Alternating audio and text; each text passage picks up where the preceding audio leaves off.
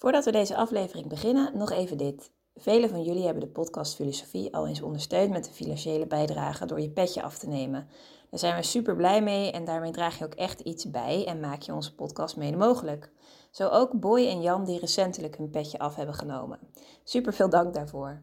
En wil jij ook als trouwe luisteraar ons een steuntje in de rug geven en ervoor zorgen dat we nog lang door kunnen gaan? Kijk dan op petjeaf.com slash podcastfilosofie. Daar vind je alle info en bijdragen kan al vanaf 3 euro per maand. En het biedt ook leuke extra's op, zoals bijvoorbeeld toegang tot onze bonusafleveringen. Maar voor nu, veel plezier met deze aflevering. Er is een voortdurende dialectiek tussen de pure verwondering en de redenerende en systematiserende verwerking ervan. In deze dialectiek speelt het filosofisch denken zich af. Op deze manier drukte de Nederlandse filosoof Cornelis Verhoeven uit dat de verwondering over dat iets er is niet overschaduwd moet worden door de vraag naar wat en waarom iets is. Waarom noemde Verhoeven de waarom-vraag de duivelsvraag? Op welke manier verzette hij zich tegen parmantig denken? En waarom kunnen we hem met recht een filosoof noemen in plaats van een filosofoloog? Over deze vragen en nog veel meer gaan we het de komende drie kwartier hebben. De gast is Wil Derksen, de denker die centraal staat, Verhoeven.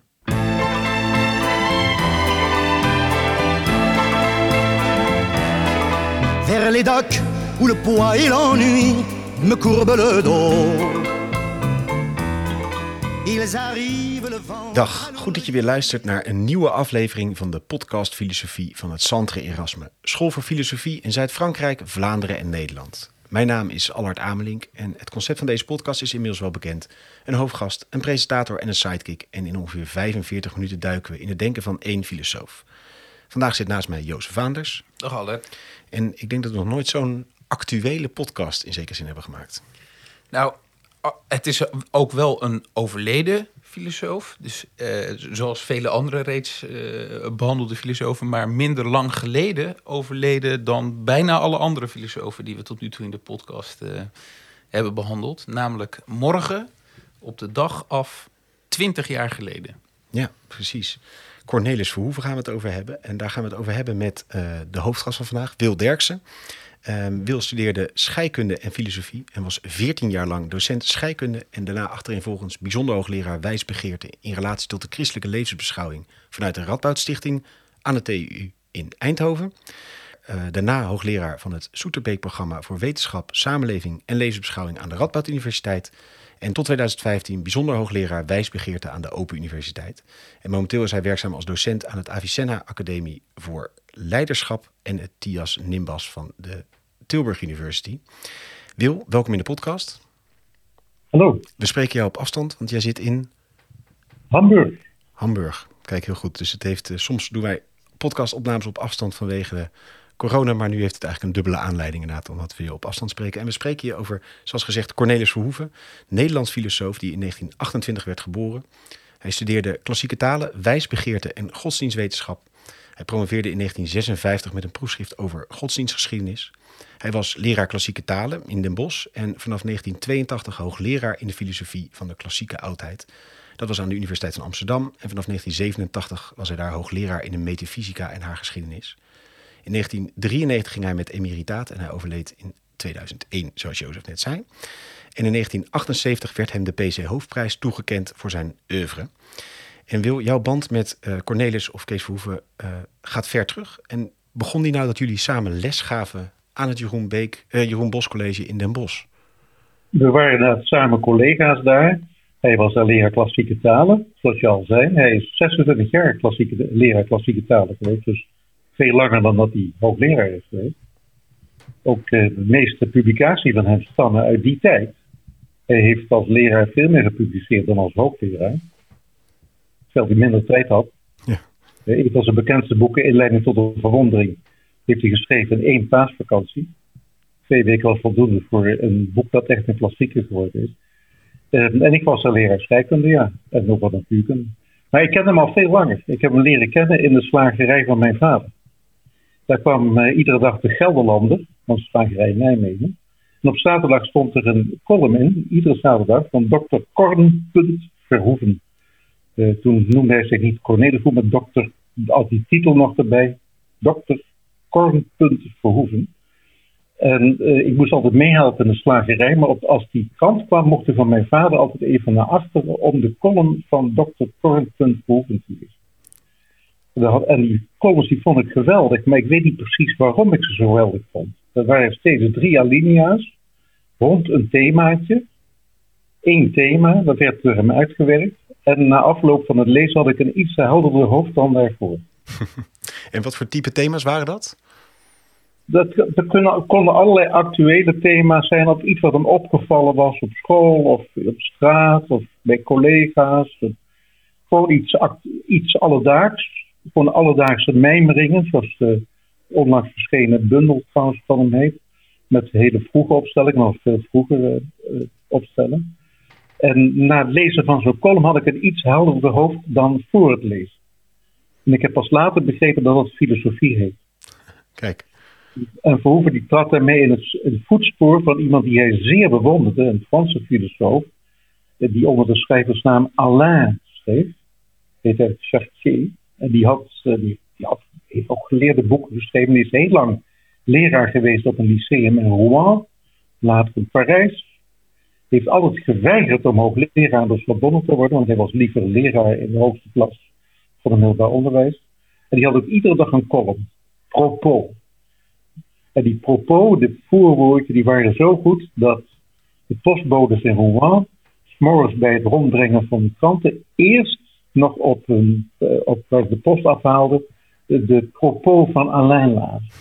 Dat vonden ze gewoon mooi. Uh, dat, heeft, dat die structuur had Verhoeven op. En ik heb die man dus al bewonderd voordat ik hem leerde kennen. En later, eh, als student in Nijmegen scheikunde, las ik zijn boeken graag. En toen ik ging solliciteren in Den Bosch, toen was ik heel verbaasd dat hetzelfde handschrift dat ik al een keer ergens had gezien. Uh, dat dat was dat op een lijst stond, intekening barbecue einde schooljaar. Verhoeven tweemaal kwam toch die slagerij weer op een bepaalde manier terug. En veel later, toen hij hoogleraar werd, is hij ook mijn promotor geweest. Ik heb niet bij hem filosofie gestudeerd in mijn vrije tijd, maar in Nijmegen. Ik vond het een beetje raar om bij mijn beste vriend uh, te gaan studeren, maar een proefschrift ging wel. Ja, precies. En, en, en, je noemt net een, eh, een van zijn titels al, de inleiding tot de verwondering. En uh, een, uh, een, boek wat hij dus schreef in een paasvakantie. Is verwondering een, een belangrijke term in zijn denken? verwondering is een belangrijk uitgangspunt. Dat, dat, dat, dat het heeft te maken met een jeugdherinnering die hij beschrijft in een soort autobiografisch geschrift. En um, dat herinnert zich heel goed, is altijd bij hem gebleven, een klein jongetje op een boomstammetje zat voor het huis van zijn ouders. Zijn moeder leefde nog, zijn moeder is vrij jong gestorven. En hij keek naar binnen en hij zag die moeder in gesprek met een lakenkoopman en opeens besefte hij dat hij buiten stond en dat zij binnen waren en dat hij dit zag. Dat hij getuige was van een gebeurtenis buiten hem en dat tegelijkertijd dat een ervaring binnen hem was. En hij schrijft ook in inleiding tot de verwondering. Ik heb voor me liggen een werkstuk dat een student van mij in Eindhoven heeft gemaakt over inleiding tot de verwondering. Waar Verhoeven ook de gast bij was. Uh, daar schrijft Verhoeven. Verwondering is een bevindelijkheid in de zin van zelfervaring in een bepaalde situatie. Bevindelijkheid, je wordt geraakt. Zelfervaring in een bepaalde situatie. Dat was voor hem die bepaalde situatie op een boomstronkje in de tuin voor het huis van Udenhout. Um, en een andere definitie van verwondering in datzelfde boek dat is een zelfervaring, dan heb je weer de zelfervaring, tussen de bevestiging van het zo zijn en het anders zijn van de werkelijkheid. De werkelijkheid is altijd anders dan de ervaring die je van hebt, en ook altijd veel rijker. En wat je er ook van kunt zeggen, zal altijd tekort schieten. Kees Vens heeft later in een, in een toespraak over Verhoeven gezegd dat dat, voor de, dat de centrale gedachte voor Verhoeven zou zijn, ik denk dat hij er gelijk aan heeft, ik citeer nou Kees Vens, voor een contemplatieve geest is het beschouwde altijd groter dan hij zelf. Het heeft ook iets te maken met een zeker respect en eerbied voor wat groter is dan hij zelf. Ja, dus, dus in, in deze situatie was het, e- om het even terug te pakken naar het boomstammetje, zeg maar, dat hij zag zijn moeder praten met de lakenhandelaar. Dat deed iets met hem, maar hij zag ook in, of beschrijft later na dat dus dan die situatie is groter dan zijn eigen ervaring daarvan. Ja, en heel belangrijk dat hij het ook besefte. Heeft later ook een mooi boekje geschreven onder de titel Het Besef. Dat vind een mooie woord dan kennis. Dat je iets ook beseft. Dat je ook dat iets binnengekomen is en dat je er een besef van hebt. Gaat het om een soort uh, metaperspectief ook? Dus een, een, een soort bewustzijn van het bewustzijn, zo? Ja, een bewustzijn ervan, maar als deel van je ervaring. Het is niet alleen maar reflexief. Je voelt gewoon, ik sta hier en daar is mijn moeder. En ik ben er zelf. En er is iets buiten mij. Moeder is in gesprek met die koopman. Ze hebben het ergens over. En ik besef dat. Dat er een buitenwereld is. Waar je niks over te zeggen hebt. Waar ik iets over kan zeggen. Maar dat, dat altijd minder zal zijn dan wat er plaatsvindt. En dat is voor hem altijd heel belangrijk geweest, die verwondering. Dat, um, dat de werkelijkheid altijd het primaat heeft. Er is, eh, bij een van jullie andere podcasts ging het over Arvis Murdoch. Die heeft een mooi boek geschreven, The Sovereignty of Good. En Verhoeven zou zeggen, The Sovereignty of Reality. De werkelijkheid is soeverein. Soeverein betekent dus het hoogste wat er is. Er is niks hoger dan de werkelijkheid. Hij heeft niet voor niks later een mooi boek geschreven onder de titel Het Dat, Het Wat en Het Waarom. En de verwondering houdt zich vooral bezig met het dat, dat er iets is. dat men... was es gibt, zonder een das es gibt. Ja. Zo'n strofe van Wittgenstein, geloof ik. Ja, precies. En het dat vond hij natuurlijk het mooiste thema. Dat, dat, toen ze kinderen waren, dat hij vader geworden was. Dat vond hij belangrijk. Niet wat voor kinderen het waren. Ja, dat vind hij ook belangrijk. Vond hij ook belangrijk. Uh, als wat wat iets is, dan ga je het al definiëren. Kom je het niveau van de kennis. En dat kan heel waardevol zijn. Uh, en dan kun je nog ook vragen waarom iets is. En ook daar heeft Verhoeven een prachtig mooi boekje over geschreven. De duivelsvraag. Ik weet niet of jullie dat kennen, maar de duivelsvraag. Dat kun je alleen maar met rode oortjes lezen. Dat is een essay dat je één avond uitleest. Uh, toen mijn vrouw nog leefde. en dat boekje binnenkwam van Verhoeven door de brievenbus. Normaal werd dat altijd meteen naar mij gegeven als er een nieuw boek van Verhoeven was of een schrijfseltje of zo. Maar toen was ze aan het bladeren en toen zei ze even wachten, dat moet ik even uitleggen. De duivelsvraag, en dat is weer typisch iets voor hem, dat die aanzet tot, tot die, dat boekje was dat hij als beginnend hoogleraar, al wat oude man overigens, eh, in de corona zat bij een verdeling van een proefschrift. En toen werd opeens door iemand steeds gehaald, maar waarom dit en waarom dat en waarom dat? En opeens herinnerde hij zich dat bij hem thuis in Udenhout zijn ouders zeiden, de waarom-vraag is de vraag van de duvel. Dus de duvelsvraag, daar kun je geen antwoord Je moet niet, maar, maar, dat was toen waarschijnlijk een beetje betuttelend bedoeld van je moet niet te veel kritische vragen stellen. Ja, dat was natuurlijk zijn eerste ervaring. Dus je gaat nadenken waarom, wat het verschil tussen het vragen naar het dat, het wat en het waarom. Uh, die vorm van de verwondering heeft vooral te maken over het dat dat er iets is. En dan gaat het eigenlijk dus over dat je niet zozeer naar het probeert te definiëren. Uh, nou, wat bijvoorbeeld het krijgen van wat voor kinderen dat zijn of waarom je die kinderen hebt, maar het feit dat ze er zijn en je daar eigenlijk op beschouwt. Moet ik het zo zien? Ja, precies. En dat speelde zeker in die beginfase van, van zijn publicatie een grote rol. De, de eerbied voor wat gegeven is. En um, en het risico dat je daarover te veel gaat babbelen.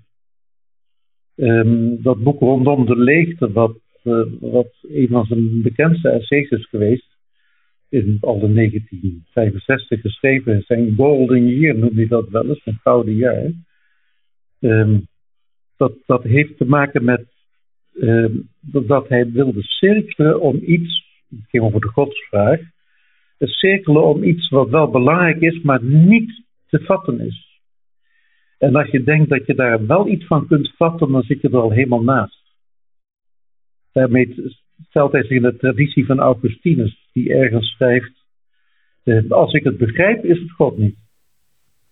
En ook daarvan gaat het dus eigenlijk weer over dat je, moet eigenlijk het, het, de dat-vraag of uh, stellen aangaan God, uh, aangaande God, de verwondering over het dat. Maar op het moment dat je begint met het wat vast te leggen, dan zit je er dus altijd naast. En ook, dat opstel weer, dat kwam weer voort uit een kleine biografische ervaring. Dat heeft in een gezelschap werd gevraagd om mee te discussiëren over of God wel bestond, de godsvraag. En hij zei dat hij vond het zo oneerbiedig dat je daar met een groep mannen, waar natuurlijk allemaal mannen in die tijd, waarvan sommigen sigaartje rookten, ook nog wat gezellig gingen praten over de godsvraag. Dat vond hij oneerbiedig. Eh, dat is, dat is een, daar kun je alleen maar omheen cirkelen. Je kunt misschien wel iets stamelen, maar niet denken dat je daar met stelligheid dingen op kunt. Dat heeft te maken met het parmantige. Daar had hij iets tegen het parmante gedrag van. Ik zal jullie dus fijn vertellen hoe dat in elkaar zit. Ja, en dan even met een sigaartje en een cognacje even babbelen over dat onnoembare. Dat is. Uh... Hij, hij, zegt ook in, in, in, in uh, rondom de leegte, als, als iemand mij zou vragen, als iemand zo on, onfatsoenlijk zou zijn om mij te vragen of ik in God geloof, hij zegt: Ik heb geen antwoord op deze vraag, omdat het mijn eigen vraag is. Dat is ook zo gebleven. En, en, en het gaat over de verwondering, het gaat over dat eerbied voor wat gegeven is. Uh, het belang van het dat in plaats van het wat of het waarom. Hoe, hoe, hoe, waar, zijn dit de observaties, zeg maar? Of bouwt hij daar iets uit voort? Of uh, deconstrueert hij vooral andere dingen die juist wel op al deze zaken ingaan? Of met te weinig eerbied spreken bijvoorbeeld? Het, het, gebeurt alle twee. Een zekere polemische houding die hij heeft tegen mensen die altijd permantig men menen daar met stelligheid uitspraken over te kunnen doen. Wat dat betreft zou je kunnen zeggen dat hij wat verwant is aan Wittgenstein. Die, die ook een vrij mystiek daarover schrijft. Van, uh, als zelfs alle mogelijke wetenschappelijke vragen beantwoord zouden zijn, zouden onze werkelijke levensvragen nog niet eens aan de orde zijn geweest, zegt Wittgenstein. Nou, dit is een beetje aan de andere kant van het, van verhaal, aan de kant van de medaille. Uh, uh, als deze, deze vraag is zo belangrijk dat daarop geen antwoorden mogelijk zijn. Maar het is wel belangrijk. Want op welke manier zouden we dan daar wel over kunnen spreken? Of, of moeten we inderdaad maar van om zijn te zeggen, daarvan moeten we maar zwijgen? Of wat? Daar, daarvan moet je niet de pretentie hebben dat je daar wetenschappelijk iets over kunt zeggen. Dat, dat, dat zou Wittgenstein ook gezegd hebben. Die, die zegt over zijn tractatus in een brief aan zijn uitgever. Ik heb twee boeken geschreven, eigenlijk maar één. Ik kon er maar één schrijven, dat heb je nou in handen. Het tweede boek zou gaan over de levensvragen, over ethiek en schoonheid. Dat kon ik niet schrijven. Maar dat is wel het belangrijkste boek. En dat voor geldt dat op een andere manier ook. Eh, die thematiek die in rondom de leegte aan de orde komt, vindt hij wel degelijk een belangrijke thematiek. Hij is niet alleen maar tegen het spreken erover. Het is wel een belangrijke thematiek. Daar wil hij best omheen cirkelen. Maar hij wil niet de pretentie hebben dat hij het ook kan pakken. Dat hij het kan vatten. Dat hij het kan begrijpen. Inderdaad, zoals Augustinus zegt, als ik het begrijp, is het God niet. Dat iets anders interessant. Trouwens, dat is een hele lange traditie. Veel later dan Augustinus. Anselmus, die een mooie argumentatie naar God toe probeert vanuit een definitie te ontwikkelen. En dan is hij daarmee klaar. Het gebeurt in een soort gebedsstructuur. En dan vraagt hij: Mijn ziel, heb je nu wel gevonden wat je zocht? En dan zegt die ziel in, die, in dat gebed: Nee, ik heb wel iets leuks gevonden, maar niet wat ik zocht. Precies, dus het is uiteindelijk blijft het dat, dat, dat cirkelen eromheen. En als je het denkt te hebben, heb je het niet. Het is een, het is een wijkend perspectief. En dat sluit misschien, misschien ga ik nou de vlucht, weet ik niet dat bepalen jullie zelf wel. Ehm, bij zijn allereerste gepubliceerde essay van Verhoeven, wat in die, die nieuwe bundel is verschenen met vroege essays, uh, de alledaagse mijmeringen. En het, en het eerste essay wat geselecteerd is door Jacques de Visser en, en, nog iemand anders, is van 14 juli 1953. Hij moest nog zo'n doctoraal examen filosofie doen. Um, dat heet de tovercirkel. De tovercirkel. En dat is, dat is, ik heb onlangs nog eens herlezen. En dat is, dat is typisch voor hem, het is, er wordt geen enkele andere denker genoemd. En zeven een bladzijde of vijf. Over omweld, dat wij om ons heen kijken. We kijken in het rond. Uh, we kijken niet in het vierkant, zegt hij dan. Dat is heel merk, vind ik interessante gedachte blijkbaar. We kijken om ons heen en we kunnen onze horizon verruimen. Hij zegt daarover dat als je die horizon niet ruimer maakt, hoe kleiner de cirkel is, hoe minder expansief de kracht van de ordening is, hoe meer duisternis de mens duister maakt, des te minder is hij zichzelf, des te minder redelijk is hij.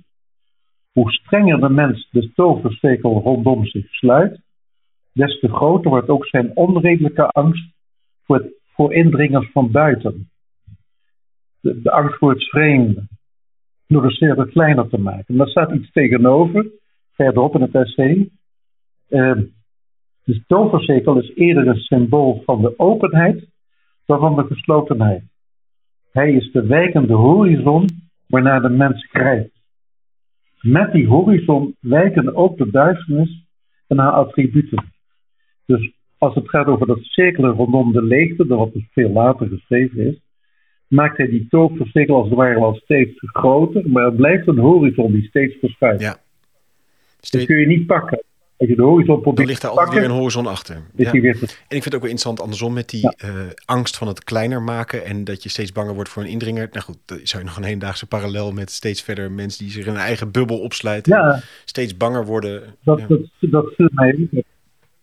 En dat vond ik zo leuk dat, dat, dat, toen ik het nog eens een keer las, uh, ook ter voorbereiding van dit gesprek met jullie, heb ik het eerste essay wat dus nu gepubliceerd is in 1956. Toen moest hij nog één worden, overigens, denk ik meteen.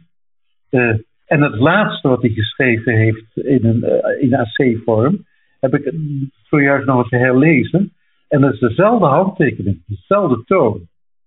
Het is zeker groei en hij iets minder ouderwets taal gebruikt en zo. Maar het is dezelfde toon. En daarin kun je, vind ik, herkennen dat het gewoon een zelfdenkende mens is die weinig, die wel veel externe prikkels heeft, maar niet commentaar levert bij anderen. Bij dat, eerste essay is een kleine verwijzing naar de cirkelsymboliek bij Gust, Carl Gustav Jung. En het eindigt met een, kleine, klein citaat en een gedicht van Rielke. Wat dan mooi aansluit bij zijn eigen gedachtegang. Zoals ik al, al zei net in een voorgesprekje met Jozef, het Verhoeven vind ik een goed voorbeeld van een filosoof in plaats van een filosofoloog. Ja, niet iemand die, die, die de geschiedenis goed kan uitpluizen en al die denkers langs kan gaan, maar oorspronkelijk zelf denkt. Eigen thema's ook heeft. Ik ben al zogenaamd afgestudeerd in de filosofie, maar ik ben, ik ben afgestudeerd in de systematiek en de geschiedenis van de filosofie. Daar weet ik best wel wat van, mag ik hopen. Maar filosoof is, de verhouding tussen filosoof en filosofoloog is ongeveer hetzelfde als tussen vogels en ornithologen. Maar, en, to, en toch wel ben ik benoemd of je dan in dat eigen oorspronkelijke denken van hem zelf uh, over allerlei vragen, um, of daar bepaalde invloeden uh, in aan te wijzen zijn. Dus, dus welke denkers hebben hem in zijn eigen oorspronkelijke denken het toch op een of andere manier het sterkst beïnvloed? Ondanks dat hij niet per se expert over andere denkers was. Hè. Of, of die continu aanhaalt. Of die continu aanhaalt. Zullen er ongetwijfeld eh, dominante, voor hem dominante denkers als, als ondertoon in zijn eigen denken aanwezig zijn geweest? Wie, wie, wie zijn dat? Nou ja, dat, dat, dat, is wel duidelijk dat dat zo was. Kijk, zijn inspiratiebronnen, die heb ik eigenlijk wel een beetje aangeduid. Dat is allereerst de verwondering over de, van, die te maken met de eigen ervaring.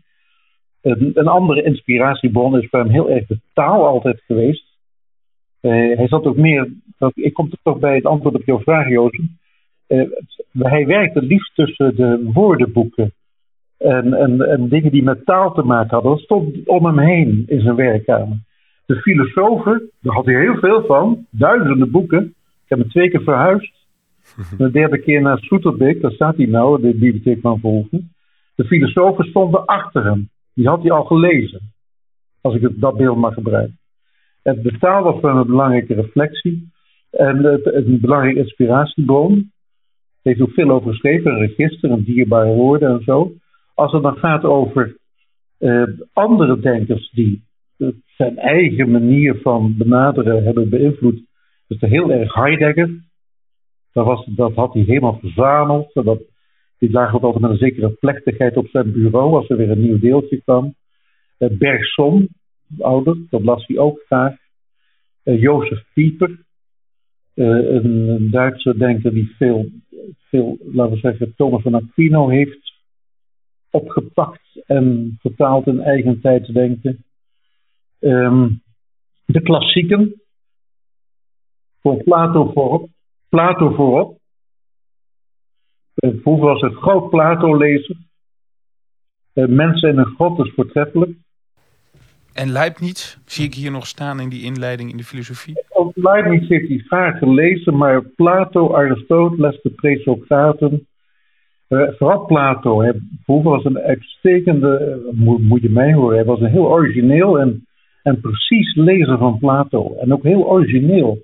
Hij heeft heel overtuigend laten zien in mensen in een god dat, dat bij Plato geen twee werelden theorie te vinden is. Helemaal niet.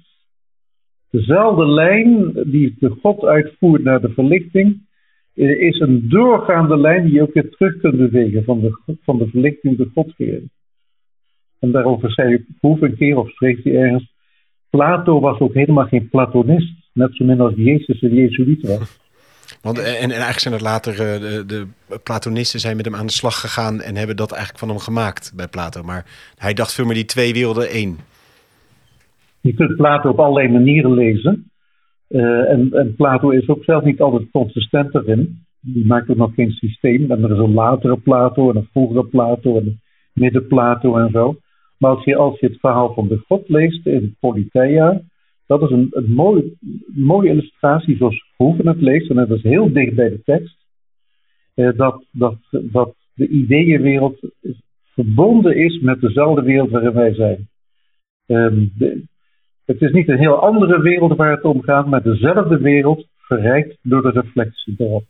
En daar dus eigenlijk ook weer dat primaat van de werkelijkheid. Er is in eerste instantie werkelijkheid, dan mijn beschouwing erop. Ja. ja. hetzelfde anders. Dat is ook een van de boeken, de bundels die hij geschreven Hetzelfde anders. Moeder en ik, maar anders. Opeens besef ik dat zij een ander is. En, en kan je iets meer zeggen eh, over de, de, de, de, de, de Heidegger-invloed? Of de, hoe dat op een of andere manier. Wat, wat, waardeerde hij daaraan? Wat... Het zorgvuldig lezen van Heidegger, wat Heidegger deed van andere teksten. Ik zou maar zeggen de hermeneutische benadering. Um, ik geloof niet dat hij. Vroeger was geen Heideggeriaan of ook geen Platonist. Hij herkende waarschijnlijk een Heidegger iets van zichzelf. Existentieel denken over de werkelijkheid waar je mee te maken hebt, inclusief de teksten die je tegenkomt. Ik je kunt hem geen Heideggeriaan noemen, hij hoorde niet bij een school. Hij las graag Heidegger, heel graag. Net zoals hij graag Jaspers las en Bienswanger. Dus van die mensen uit die tijd zo, wat toen eigentijdse filosofen waren. Jaspers ook dus? Jaspers, ja, dat zou je ook goed doen, uh, Jozef, want dat is even... dat heb jij over geschreven. En dat, dat was hij graag. Uh, en, maar hij, hij hoorde niet bij een bepaalde school, net zo min als hij een school heeft gemaakt. Er is geen Verhoeven Ik geloof dat Verhoeven 14 dissertaties heeft begeleid. In die 11 jaar dat hij hoogleraar was. Dat waren allemaal heel verschillende mensen. De meeste ken ik wel. Uh, de meeste hebben ook een thema gekozen wat helemaal geen Verhoeven thema was over de stelling van Pythagoras bijvoorbeeld, of ik over eenvoud, de elegantie in de natuurwetenschap en de filosofie en zo. Dus daarmee legde hij ook niet echt de basis voor zijn, zijn, zijn, nee, zijn filosofische school. En, en welke. Uh, hij deelt deze observaties. Die, en, ik vind het aardig hoe je eigenlijk schetst hoe die gedachten van begin tot eind toch wel een hele originele, eigen consistente lijn hebben. Um, maakte daar ook een soort. Je zegt hij is af en toe ook polemisch stelt hij het ook echt naar uh, voor als van hier moet je wat mee? Of dit vergt wat van je hier, dit vergt een andere blik op de wereld, daar, daar moet je naar handelen of daar moet je iets mee? Of ja, eh, eh, stelt hij het in zijn onafhankelijkheid ook gewoon sec als zijn beeld op de werkelijkheid? Dat is een, een hele goede vraag, daar ben ik wel even stil van hoe hij dat heeft. Kijk, dat, dat het, je kunt moeilijk tegenover iemand zeggen die zoveel schrijft en ook bijvoorbeeld heel erg verzet tegen het geweld. En dat vaak ook weer op een polemische wijze doet, dat, dat hij daar niet iets mee wil, dat hij er iets mee beoogt. Dat hij niet mensen bewust wil laten worden dat de verzet, in verzet komen tegen het geweld ook weer een verzetje kan worden. Dat werd hem wel eens kwalijk genomen dan gezellig kon deel gaan nemen aan een gewelddadige demonstratie, bijvoorbeeld tegen het geweld. En dat vond hij dan verschrikkelijk. Dat, net zoals een revolutie voor hem vaak was dat de ene foute verhouding omgekeerd werd in een andere foute verhouding. Dus eh, alles wat hij, hij wilde wel iets, namelijk iets aan de kaart stellen, parmantigheid, bazigheid, activisme.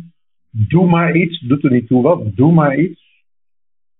Hij was helemaal niet tegen verstandige activiteit. Heeft een mooi boekje geschreven over zakelijkheid en techniek. En techniek vond hij een activiteit die juist doeltreffend was, omdat er dan iets gebeurde wat je ook beoogde. Een technisch apparaat dat, uh, dat als het niet kapot is, functioneert. En dat heeft, dat heeft resultaten die bij een doel horen wat je hebt bedacht. Bij geweld gebeurt er nooit precies wat je bedoeld hebt. Dan komt er een effect bij. Dus het zijn los van de passiviteit, waar, wat hij ook wel een beetje mee kon koketteren op zijn manier. Dat maakt de mensen ook wel eens geïrriteerd en boos. We moeten maar passief zijn voor alles wat ons overkomt. Dat geloof ik echt niet dat hij zo dacht. Dat was meer om het wat dikker aan te strepen. De activiteit. iemand, iemand die zoveel schrijft, 3741 publicaties, die hij netjes zelf genummerd heeft, uh, kun je niet een erg passief type noemen. Nee, die wil wel iets, zeg maar. Die wil wel iets. En, hij beoogde wel wat. Maar aan de andere kant beoogde hij ook vooral mensen open te maken voor vergelijkbare ervaringen. Dat was op school ook zo. Hij was natuurlijk vooral leraar. Ik heb regelmatig gemerkt dat leerlingen bij hem in de klas iets meemaakten. Wat, ik denk dat hij helemaal geen school heeft gemaakt, maar wel duizenden leerlingen heeft iets heeft meegegeven. Dat leerlingen in de zesde klas met de rood betraande ogen scheikundelokaal binnenkwamen. En ik vroeg wat er iets verschrikkelijks gebeurd of zo. En dan zei ze, ja, we hebben met meneer Verhoeven de Medea gelezen. Dus en hadden ze zich zo in ingeleefd dat ze... Ja, maar dat ging over hem, want er, komt er kwam een scheiding in voor en hij lacht mezelf een scheiding. En dat bleek ook wel uit zijn woorden blijkbaar. En dat had er met hem te doen. En dat had te maken met een verheldering van een existentiële ervaring. En ook dat was dus eigenlijk weer naar, naar zo'n tekst kijken en plotseling jezelf naar die tekst zien kijken en ja, ja. en realiseer dat die tekst altijd groter zal zijn dan jij. Maar, ja, ja, en dit gaat over mij, dat gaat over ons. Dat, is, dat hoort bij de menselijke conditie. Dus dan zou je weer het etiket existentialisme erop kunnen plakken. Maar het etikettenplakkerij was natuurlijk weer niet iets voor Verhoeven. Want dan, nee, nee dat, dat, is helder. Dan wordt het weer heel erg aan wat. Dan denk je dat, je dat, dat je het al begrepen hebt. Van, oh, je bent de existentialist. Ja, dan zit je in dat hokje. Nee, dat moet niet. Is dat ook een reden? Heeft hij ook een keer principieel geen school gemaakt? Of, of is dat meer een toevalligheid? Nou, dat was geen toevalligheid. Het was geen principieel. Het hoorde bij zijn levenswijze. Het hoorde bij zijn aard. Hij zou zich geschaamd hebben als er een school was ontstaan. Mm Volg niet mij, maar uzelf. Hè? Dat is natuurlijk zo'n beetje het existentiële dogma eh, bij, bij uitstek. Nou, ik vroeg zou misschien zelf volg niet mij en volg ook jezelf maar niet, maar, maar volg een ster die jou geschoten wordt. Mm En dat zou je al waarschijnlijk te vroom vinden. Want hoe, hoe is inderdaad die relatie tot religie? Uh, je, noemde net dat, die vraag, die uh, mocht je me eigenlijk niet stellen, las Jozef voornaat. En je zegt, ja, dat is altijd een, een vraagteken gebleven. Uh, hij had ook inderdaad, wat was het, godsdienst, filosofie gestudeerd, et cetera. godsdienstwijze begeerd. Wat, hoe was die verhouding tot religie? Ik denk dat Verhoeven een zeer religieuze mens was en volstrekt anti-kerkelijk was geworden in de jaren 30 en 40 al heeft ook op het seminarie gezeten, kort, toch? Het seminarie gezeten, dat was voor hem een belangrijke reden om uh, heel veel vraagtekens bij het kerkelijk leven. Um, maar niet bij bepaalde exemplarische mensen daaruit. Bijvoorbeeld aan zijn sterfbed was Monsieur Bluisen aanwezig. En daar, daar, daar hield hij van. En Maurice Piren, bijna een jaargenoot, priester en kerkmuzikus, was ook nog bij, bij Kees Roef in het ziekenhuis gekomen. En niet om, eh, om de laatste sacramenten te geven of zo, maar met elkaar over Augustinus te praten. Mm Dus ze deelden wel een zekere religiositeit. Ja, maar, maar dan maar op een Maar bijvoorbeeld, misschien een illustratie daarvan. Uh, er verscheen in de jaren negentig, eind jaren negentig, een stuk boekje van Herman Philipsen. Dat heet het Atheïstisch Manifest. En ik weet nog wel dat, dat Verhoeven dat op het terrasje in het bos laatdukkend besprak. Van wat een parmantig boekje, het Atheïstisch Manifest.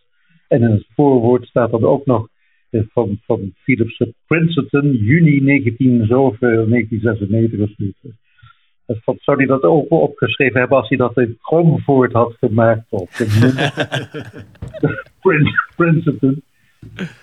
Maar dat, maar het, het, dat was dat gekscherend op het terras. Maar later heeft Boeg wel degelijk iets geschreven daartegen in. Want uh, als mensen erg tegen spiritualiteit waren, dan, dan vond dit alweer ook in het verkeerd. Dan, uh, door iemand anti-kerkelijk was, kon hij wel waarderen waarschijnlijk. Anti, op een bepaalde manier een vorm van kerkelijkheid dan. Maar tegen de spirituele in niet. Toen heeft hij ook een mooi opstel geschreven, het alziend oog. En dat gaat over het liefhebbende oog van God die de mensen ziet als een goede vader. En dat, was een, dat had hij nooit geschreven als hij niet zo geïrriteerd was geweest door het atheïstisch manifest van Herman Philips. Ja, en die parmantigheid lokt hem dan toch weer uit zijn tent, zeg maar. Ja, en misschien ook een zekere parmantigheid bij hem. Ja, ja, precies. Dat is misschien ook daarom een reden om er altijd tegen te strijden als je het bij jezelf sterker kent. En, hij was, dat gaat natuurlijk wat, wat dat is geen filosofisch punt, maar meer een menselijk punt. Hij was dan wel tegen het geweld, maar hij kon met zijn woorden buitengewoon vilijn zijn. Als je met een ruzie had, of als hij een meningsverschil had op school met een rector of zo, dan wist hij met een paar zinnen iemand wel ongeveer te executeren. Hè? En hij heeft dus zelf uh, geen school gemaakt. Zie je toch wel een, een duidelijke invloed van Verhoeven in, in nou, sinds zijn overlijden of sinds zijn, uh, bijvoorbeeld het feit dat hij de PC Hoofdprijs uh, kreeg. Zie je toch dat er dan een, toch een soort iets van een schare volgers is of, of filosofen die door hem beïnvloed zijn? Nee. Oké. Okay. Nee, mensen lezen hem graag. Nog steeds. Ook jongere mensen die het ongeluk weer eens in handen krijgen, die zeggen: Oh, dat is wel heel erg mooi. Want dat, is, dat verheldert mij wel. Van, dat is, dat, dat, ik krijg een helderder hoofd ervan. Of uh, dat, zo had ik het nooit gezien. Dat, je het zelf op een andere manier kunt zien. Zo'n beetje op die manier. Ik, uh, uh, dat, dat is ook wel mijn ervaring hoor. Dat bij het lezen van Verhoeven echt, echt ook inderdaad zelf daar anders. Het, het, is op een bepaalde manier een openbaring of zo. Hè? Zonder dat hij echt voorschriften geeft. Of uh, dat blijft allemaal heel open, helemaal niet normatief, helemaal niet dwingend. Maar het lezen ervan is in die zin de openbaring dat het jezelf ook echt op een andere manier laat kijken. Zo. Precies. Hij, hij lijkt echt heel erg veel op, op twee denkers die, die ik ook heb leren waarderen. Dat zijn Montaigne en Alain. Montaigne heeft dat ook, dat is een essayist. Die, dat is eigenlijk de, uit, de uitvinder van het essay. Um, en, ehm, en die, die, die pakt dingen op die hem opvallen. Eerst met name auteurs doet hij dat. En dan later gaat hij steeds zelfstandiger schrijven, Montaigne, over vriendschap bijvoorbeeld. Een prachtig opstel. Uh, en als je dat leest dan, en je bent wel eens bevriend met iemand geweest, denk je ja, dat is een interessante optiek. Of zo kun je er ook tegen aankijken. En, zonder dat je daar verder iets mee beoogt of zo. Uh, en bij, bij Alain ook, die, niet voor niks dat die postbodes in Rouen dat heerlijk vonden voor ze de brief gingen bestellen en de kranten gingen al rondbrengen, want dat deden de postbodes daar in Frankrijk, eerst de column van Alain laten. Uh, zonder dat ze dat nou meteen een stapje in hun carrière mee konden maken of ja, religieuze ervaring hadden die zelf. Gewoon mooi. Het, het, het, is mooi. Dankjewel, Wil. Ik denk dat we daarmee mooi terug zijn bij jullie eerste kennismaking eigenlijk ook. Dus of een kennismaking is een groot woord met jouw kennismaking met eh, Cornelis Verhoeven. En je bent echt tot, uh, tot het einde toe van zijn leven bevriend met hem gebleven. Ja, ja, dat zeer, zeer. Ik ging iedere dag naar hem toe toen, uh, toen hij in het ziekenhuis lag. en, ehm, en op een gegeven moment zei en ik nam meestal iets lekkers mee, een klein, klein flesje met korenwijn erin of een klein stukje Zeeuws spek. Vooral die combinatie vond hij lekker. Maar hij was heel erg chagrijnig geworden. Dat kwam onder andere door die tumor die hij in zijn hoofd had. En dan, dan zei hij wel eens tegen mij: Ik ben helemaal geen leuk gezelschap voor jou. Ik zei: Dat maakt mij niks uit, dan ben je maar geen leuk gezelschap. Ik kom toch. En ik ging wel met lood in de, schoenen daar naartoe hoor. Dat, dat, iedere dag die trappen op in het ziekenhuis, eh, in het boscentrum. En uh, maar we zijn heel, heel bevriend gebleven. En uh, ik, ik, heb een boek geschreven over vriendschap. Dat heet gewoon over vriendschap. Dat is ook opgedragen aan onder andere aan hem. Uh, was hij al overleden, dit is niet gelezen. Dank Wil. Ik denk een warme aanbeveling om Cornelis Verhoeven te lezen. Ook als ik Jozef ook net zo erbij hoor. Um, omdat het je, hij je helderder laat denken. Zo, zo begonnen we eigenlijk. Um, Verhoeven was een, een, een docent klassieke talen en, schreef eigenlijk in die fase veel meer dan die vervolgens schreef toen hij hoogleraar was. Uh, net noemde Wil even het aantal, uh, een, een, een, totaal aantal van 3700 publicaties. Dus een, een buitengewoon veelschrijver waar hij dus ook de PC Hoofdprijs voor kreeg. En een kernbegrip in zijn denken is verwondering. Het begon eigenlijk met een, een eerste anekdote als dat hij als klein jongetje op een boomstammetje zat uh, en zijn moeder binnenzag in gesprek met de lakenkoopman. En hij realiseerde zich dat hij iets zag wat buiten hem was en wat tegelijkertijd een ervaring bij hem binnen opleverde. En dat hij tegelijkertijd zag dat die ervaring, die, die werkelijkheid buiten hem groter was dan zijn eigen ervaring. En dat idee van die zelfervaring van een bepaalde situatie, dat ja, wordt een stuk van de verwondering wat hij uitwerkt in zijn denken. En um, sowieso gaat het altijd over dat primaat van de werkelijkheid. Het, uh, uh, die werkelijkheid is er en het besef waarvan dat je daar in staat, daar iets van ervaart, maar die werkelijkheid groter is dan jij, dat is een, een belangrijk gegeven. En dan komt dat onderscheid tussen het dat, het wat en het waarom. Waarom en wat, dat definieert, dat bepaalt, dat legt vast. Maar het, de verbonding over dat iets er is, dat je bijvoorbeeld kinderen krijgt, in plaats van wat voor kinderen het zijn of waarom die kinderen er zijn, maar echt die pure vraag van dat is er, dat het er is, die verwondering, dat is uh, een ontzettend belangrijk gegeven. En we zouden eigenlijk die veel centraler moeten stellen omdat je daarmee voorkomt dat je telkens dingen probeert te etiketteren en helemaal vastzet, waarmee ze eigenlijk al in essentie sowieso niet te pakken hebt. Um, eerbied voor wat gegeven is, is daar ook bij de term. En dat past natuurlijk ook bij dat je die werkelijkheid die je gegeven is niet probeert te klemmen, maar probeert uh, ja, je daarover te verwonderen dat het er is. Um, wat beoogt uh, Verhoeven dan? Ja, hij is wel echt uh, polemisch tegenover stelligen. En uh, parmantigheid is een paar keer gevallen als woord dat hij daar een broertje dood aan had en daar zich op, op inzette. Um, en daar is die parmantigheid is natuurlijk juist bij uitstek het wat vastleggen en het waarom duiden. En daar eigenlijk telkens een, een, een houding tegen. Kijken we dan naar de invloeden die hij heeft, dan zien we eigenlijk vooral dat het een hele originele denker is. In die zin dat hij zich juist niet een filosofoloog is die lekker de geschiedenis induikt en alle bestaande denkkaders nog eens een keertje van een extra uh, daglicht voorziet. Maar echt een filosoof is die denkt, die verwondert, die in de wereld kijkt en daarop verder denkt, zien we dan toch uh, uh, invloeden. Dan kijken we Heidegger, Leibniz, klassieke filosofen, uh, had een zeer originele Plato-lezing. Maar zoals Wil mooi zei, de filosoof had hij achter zich staan, maar vooral de woordenboeken en de wereld rondom hem stonden voor zijn neus. Um, zoals gezegd, hij heeft ook geen school gemaakt. Dat zou natuurlijk eigenlijk heel inderdaad contrair zijn aan je houding. Als je zegt, nou vervolgens uh, moet je dan allemaal in dit lijntje verder. Nee, het gaat over een verheldering van je denken. En daarin is hij dus ook zeker zeer aan te raden om, uh, om te lezen. Um, en uh, tegen de parmantigheid, waar nou, met een heel klein zijlijntje misschien toch kwam dat hij zelf daar misschien af en toe ook last van had uh, van enige parmantigheid. Maar dat is misschien ook precies het ge, uh, ge, ge, gevecht geweest om daar altijd weer tegen te strijden. Om altijd te blijven cirkelen rondom de leegte. Omdat uh, als je het vastpint, het, het sowieso niet is. wat mij betreft ligt de betekenis van het denken van Verhoeven niet zozeer in de inhoud van zijn thematiek, maar in het feit dat hij in zijn essays heel exemplarisch laat zien wat filosoferen is. Je wordt als lezer als het ware intiem getuige van iemand die echt nadenkt. En dat, dat kan dan je eigen intellectuele passie aanwakkeren. Uh, en je eigen gevoel voor beschouwelijkheid de stimulans geeft. Dat, dat vind ik het mooie aan hem. Dus daarom las ik hem ook zo graag, ook al in de slagerij zo. Van. Ja, mooi. Ja. Dank. Dit is een mooie ja. aansporing, denk ik, inderdaad ook voor deze soms wat uh, filosofologische podcast, waar je met toch vooral graaf in die ouddenkers en, en de aanmoediging ook om zeker zelf dat, dat denken mee te maken.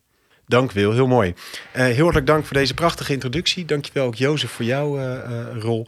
En bovenal natuurlijk jij als luisteraar heel hartelijk dank voor het luisteren naar deze aflevering. we waarderen al zeer alle positieve reacties die we krijgen. Dus laat die vooral horen en graag tot een volgende aflevering.